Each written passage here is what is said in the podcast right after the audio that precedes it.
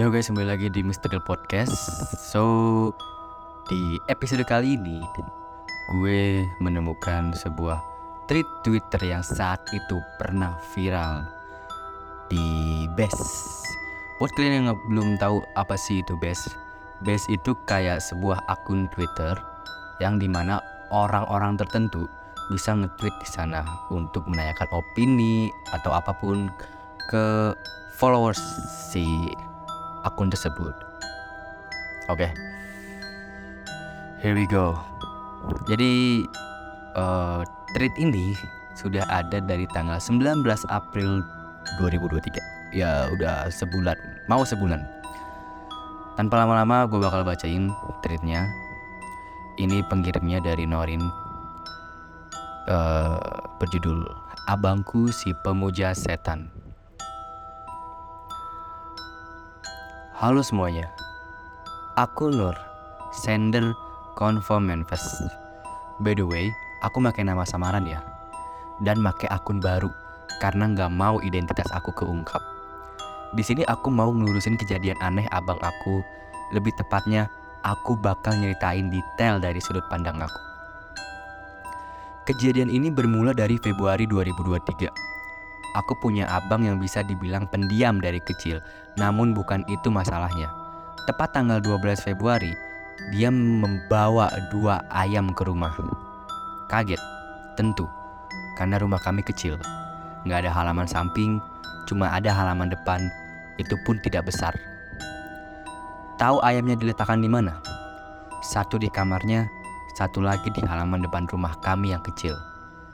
Sebenarnya ini gak jadi hal yang janggal bagi orang rumahku. Namun, aku ngerasa aneh aja. Orang yang takut sama hewan, bahkan dia aja gak berani nyentuh kucing, malah mempelihara ayam dan diletakkan di kamarnya. Ya udah, kehidupan kami berjalan seperti biasa, tapi tidak dengan abangku.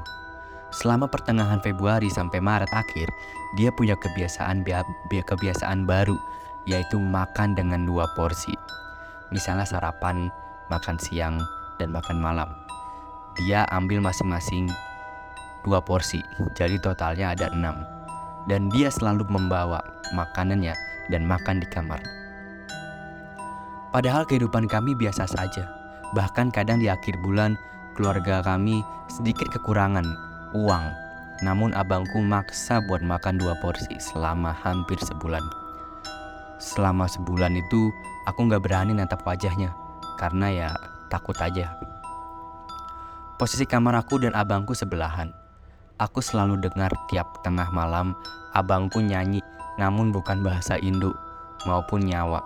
Bahasa aneh, namun bukan bahasa yang dibuat-buat gitu. Aku sempat nulis liriknya yang kuinget gini. Jenala, Daga, Raimara. Kurang lebih bahasanya seperti itu. Setelah itu ya udah biasa aja. Nggak tahu juga, mungkin karena aku udah terbiasa, tapi hasrat ingin mengadu ke orang tua aku ini nggak bisa dibendung. By the way, abang aku nggak kerja dan rumah kami kecil. Jadi intinya aku nggak bisa cerita di rumah karena pasti ya kedengeran sama abangku nanti. Nah puncaknya, puncak dari situ aku memberanikan diri cerita ke orang tua aku ketika kami di mall pas lagi nyari baju lebaran. Seperti yang kalian baca, aku nanya ke mamaku, Mama, pernah dengar gak suara abang nyanyi di tengah malam? Dijawab enggak sama mamaku. Dan saat itu juga, mata mamaku, pupilnya jadi putih. By the way, aku ngelurusin kekeliruan di sini. Berubahnya bukan beberapa menit, tapi beberapa detik. Lanjut disusul mata papa aku juga pupilnya memutih. Tatapan mereka kosong, aku juga nge-freeze. Di saat itu juga, mamaku lupa percakapan kami sebelumnya. Di situ aku udah keringet dingin. Aku nggak berani nanya lagi. Aku cuma takut untuk pulang ke rumah. Tapi aku tetap harus pulang kan. Selama perjalanan, suasana jadi lebih canggung. Nggak tahu kenapa orang tua aku jadi pendiam, padahal mereka tuh humoris. Ceritanya udah sampai rumah, dan ternyata tetanggaku meninggal. Tetangga sebelah rumahku persis sebelah rumah. Yang meninggal cewek yang masih SMA. Di saat itu juga ayam abangku yang di kamar ikut hilang. dan ada hal yang lebih menakutkan. Di situ juga aku melihat wajah abangku yang selama ini kuhindari. Dia berdiri di depan mukaku, ngelus kepala aku, pakai tangannya sambil natap pakai pandangan yang kosong. Gak lama dia senyum. Sumpah, di situ aku takut banget. Setelah kejadian itu, keluargaku jadi lebih pendiam semua. Aku nggak tahu kenapa, aku lagi nggak mau minta bantuan ke saudara, tapi aku masih ngumpulin keberanian buat cerita ini semua. Aku takut kejadian di mall terulang kembali. Ini puff rumahku dari samping. Aku minta fotoin temenku. Oke, jadi ada gue detailin dulu, gue jelasin dulu. Jadi ada foto rumah, rumah si pengirim cerita ini. Fotonya agak gelap, tapi ada satu ruangan, ada satu sudut di mana itu berwarna merah, cahaya merah. Dan cahaya itu berasal dari kamar abangnya. Oke, lanjut. Aku nggak tahu mau bereaksi apa sekarang. Aku udah cerita ke tanteku, beliau bilang masalah semua ini bukan abangku yang ngelakuin, tapi mamaku. Alasannya belum dikasih tahu. Sumpah, aku nggak tahu harus percaya atau enggak. Tapi sekarang aku, abangku, papaku disuruh pergi dulu dari rumah. Ternyata pelakunya adalah mama. Dua batu ini aku temuin di bawah kasurku. Nggak tahu fungsinya apa. Tapi yang jelas, aku nggak terpengaruh karena di kamarku ada kaligrafi Allah. Kata tanteku, tahu yang merah itu apa? Darah ayam. Kelihatannya kayak masih basah dan kayak masih baru dipoles.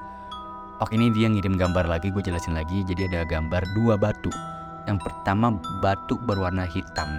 Yang kedua batu berwarna coklat. Tapi ada bekas darah yang masih basah. Ya mungkin itu darah baru gitu loh. Oke next. Aku bakal nyari tahu hubungan ini sama abang aku apa. Kenapa dia bisa ikutan? Atau dia cuma suruhan mama aku aja? Yang pasti, aku sama papaku udah aman di rumah saudara. Mereka berdua masih di rumah. Gak mau diganggu, bahkan tadi udah dijemput sama saudara lain, abang aku teriak ngusir. Jadi, aku bakal ceritain cerita ini dari sudut pandang tanteku. For your information, tanteku ini adalah adiknya mamaku. Nah, Tanteku juga udah curiga semenjak akhir 2022. Mamaku udah jarang sholat. Ditambah pas bulan lalu, tanteku lihat mamaku sholat, tapi arah kiblatnya berlawanan dan cuma pakai mukena atas, bawahannya pakai celana. Dan gerakan sholatnya pun aneh. Setelah itu, mamaku kedapatan nyimpen foto tetanggaku yang udah meninggal tadi, anak gadis SMA. Nah ternyata abang aku mau dijadiin tumbal awalnya, tapi mama aku nggak mau jadi mama aku negosiasi ke dukunnya buat ganti tumbal. Dukunnya setuju, tapi dengan syarat abang aku harus jadi bawahan dia atau dukun tadi. Jadi tugas abangku harus ngejaga ayam titipannya dan harus nyari satu mayat untuk disetubuhi. Kalau bisa nyetubuhi mayat, baru abang aku bisa bebas jadi manusia normal. Nggak tahu atau nggak jadi bawahannya lagi. Jadi selama ini Tanteku tahu cerita ini. Begitu juga dengan papaku. Bedanya, papaku juga kena dampak dari perbuatan mamaku ini. Papaku jadi lupa perbuatan mamaku. Intinya papaku dibuat seolah-olah nggak tahu bahwa istrinya sedang bersekutu dengan dukun. Mamaku juga ngerasa bersalah kata tanteku. Nah setelah dukun tersebut dapat tumbal, mamaku dapat imbalan 30 juta dari dukunnya. Awalnya mamaku minta udahan. Ternyata uh, mamaku buat janji baru. Kali ini tanteku nggak tahu tumbal berikutnya siapa. Dari tadi aku dijagain mulu. Keinget ada batu di bawah kasurku, ditambah biasanya tumbal anak gadis perawan. Kemungkinan ya aku tumbalnya. Nggak tahu lemes, aku udah nggak bisa ngapa-ngapain lagi sekarang. Beneran, ternyata aku tumbal selanjutnya. Mama Sender udah jelasin semua ke keluarga besar di sini dan mama mau batalin ini semua.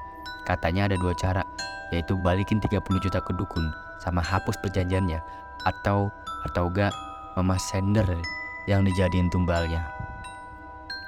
Kali ini aku bakal nyeritain cerita ini dari sudut pandang papaku. Papaku sebenarnya udah nolak ketika mama aku minta izin buat hal seperti ini. Tapi mamaku tetap nggak peduli. Papaku di situ ngancem kalau misal ikut campur atau ceritain cerita ini ke anak-anak, dia bakal dijadiin bawahan dukun seperti abangku. Papaku juga sering ngalamin hal-hal mistis setelah mamaku jadi begini. Pernah suatu hari, mamaku ngunci pintu kamarnya dan papaku mau masuk untuk istirahat. Karena nggak dibukakan pintu, papaku ngintip dari bolongan pintu dan dia melihat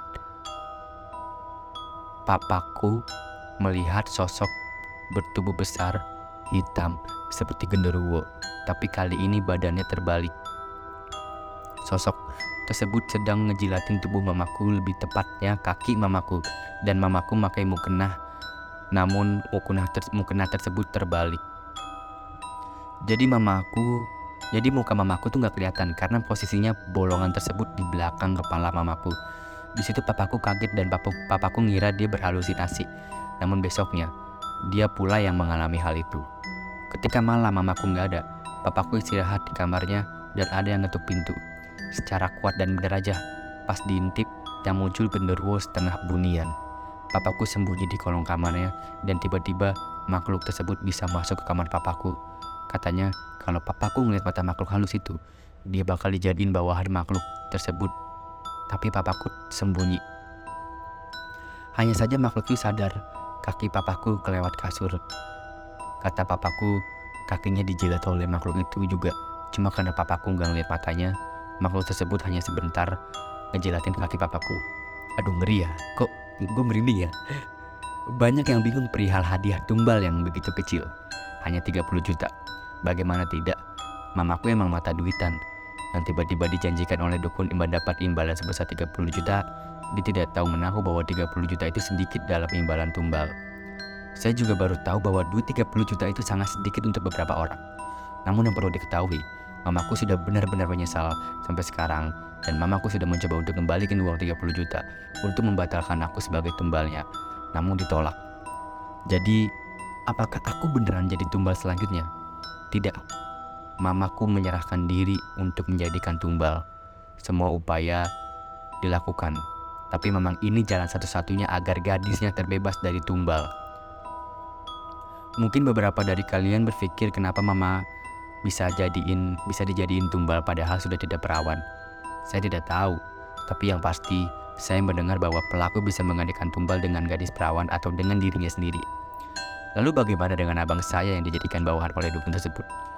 Abang saya masih menjadi bawahan dukun tersebut karena dia tidak mau menyetubuhi mayat. Sekarang ditugaskan untuk bekerja di salah satu tempat makan yang terkenal di daerah saya. Ditugaskan di tempat makan dengan syarat harus memberikan air liurnya di setiap makanan yang dihidangkan. Dan ternyata emang tempat makanan tersebut dipenuhi bawahan atau pengikut jin. Setiap tiga bulan sekali, pasti ada aja karyawan yang meninggal di tempat makan tersebut. Apa akibatnya jika abangku tidak ngikutin arahan dari dukun? Tubuhnya bakal mengeluarkan keringat yang dahsyat sampai bisa membasahi pakaiannya. Tidak menyakiti tubuhnya, namun membuat pikirannya menjadi kacau. Mau nggak mau, untuk saat ini abangku harus mengikuti arahan dari dukun tersebut. Oke. Okay. Oh ya, ini ternyata sudah habis. Gue merinding banget, sumpah. Ini terus ini bukan tentang makhluk halus sih lebih tepatnya tapi tentang tumbal penumbal dari dukun. Maksudnya kayak seremnya bukan serem karena lihat tapi seremnya karena mengalami kejadian yang di luar nalar manusia gitu loh. Apalagi ada genderuwo tadi di kamar ibunya. Anjing. Pikiran lagi gue oke mungkin segini dulu. Ternyata udah habis. So ditunggu dengan episode-episode selanjutnya yang akan datang. Thank you for listening.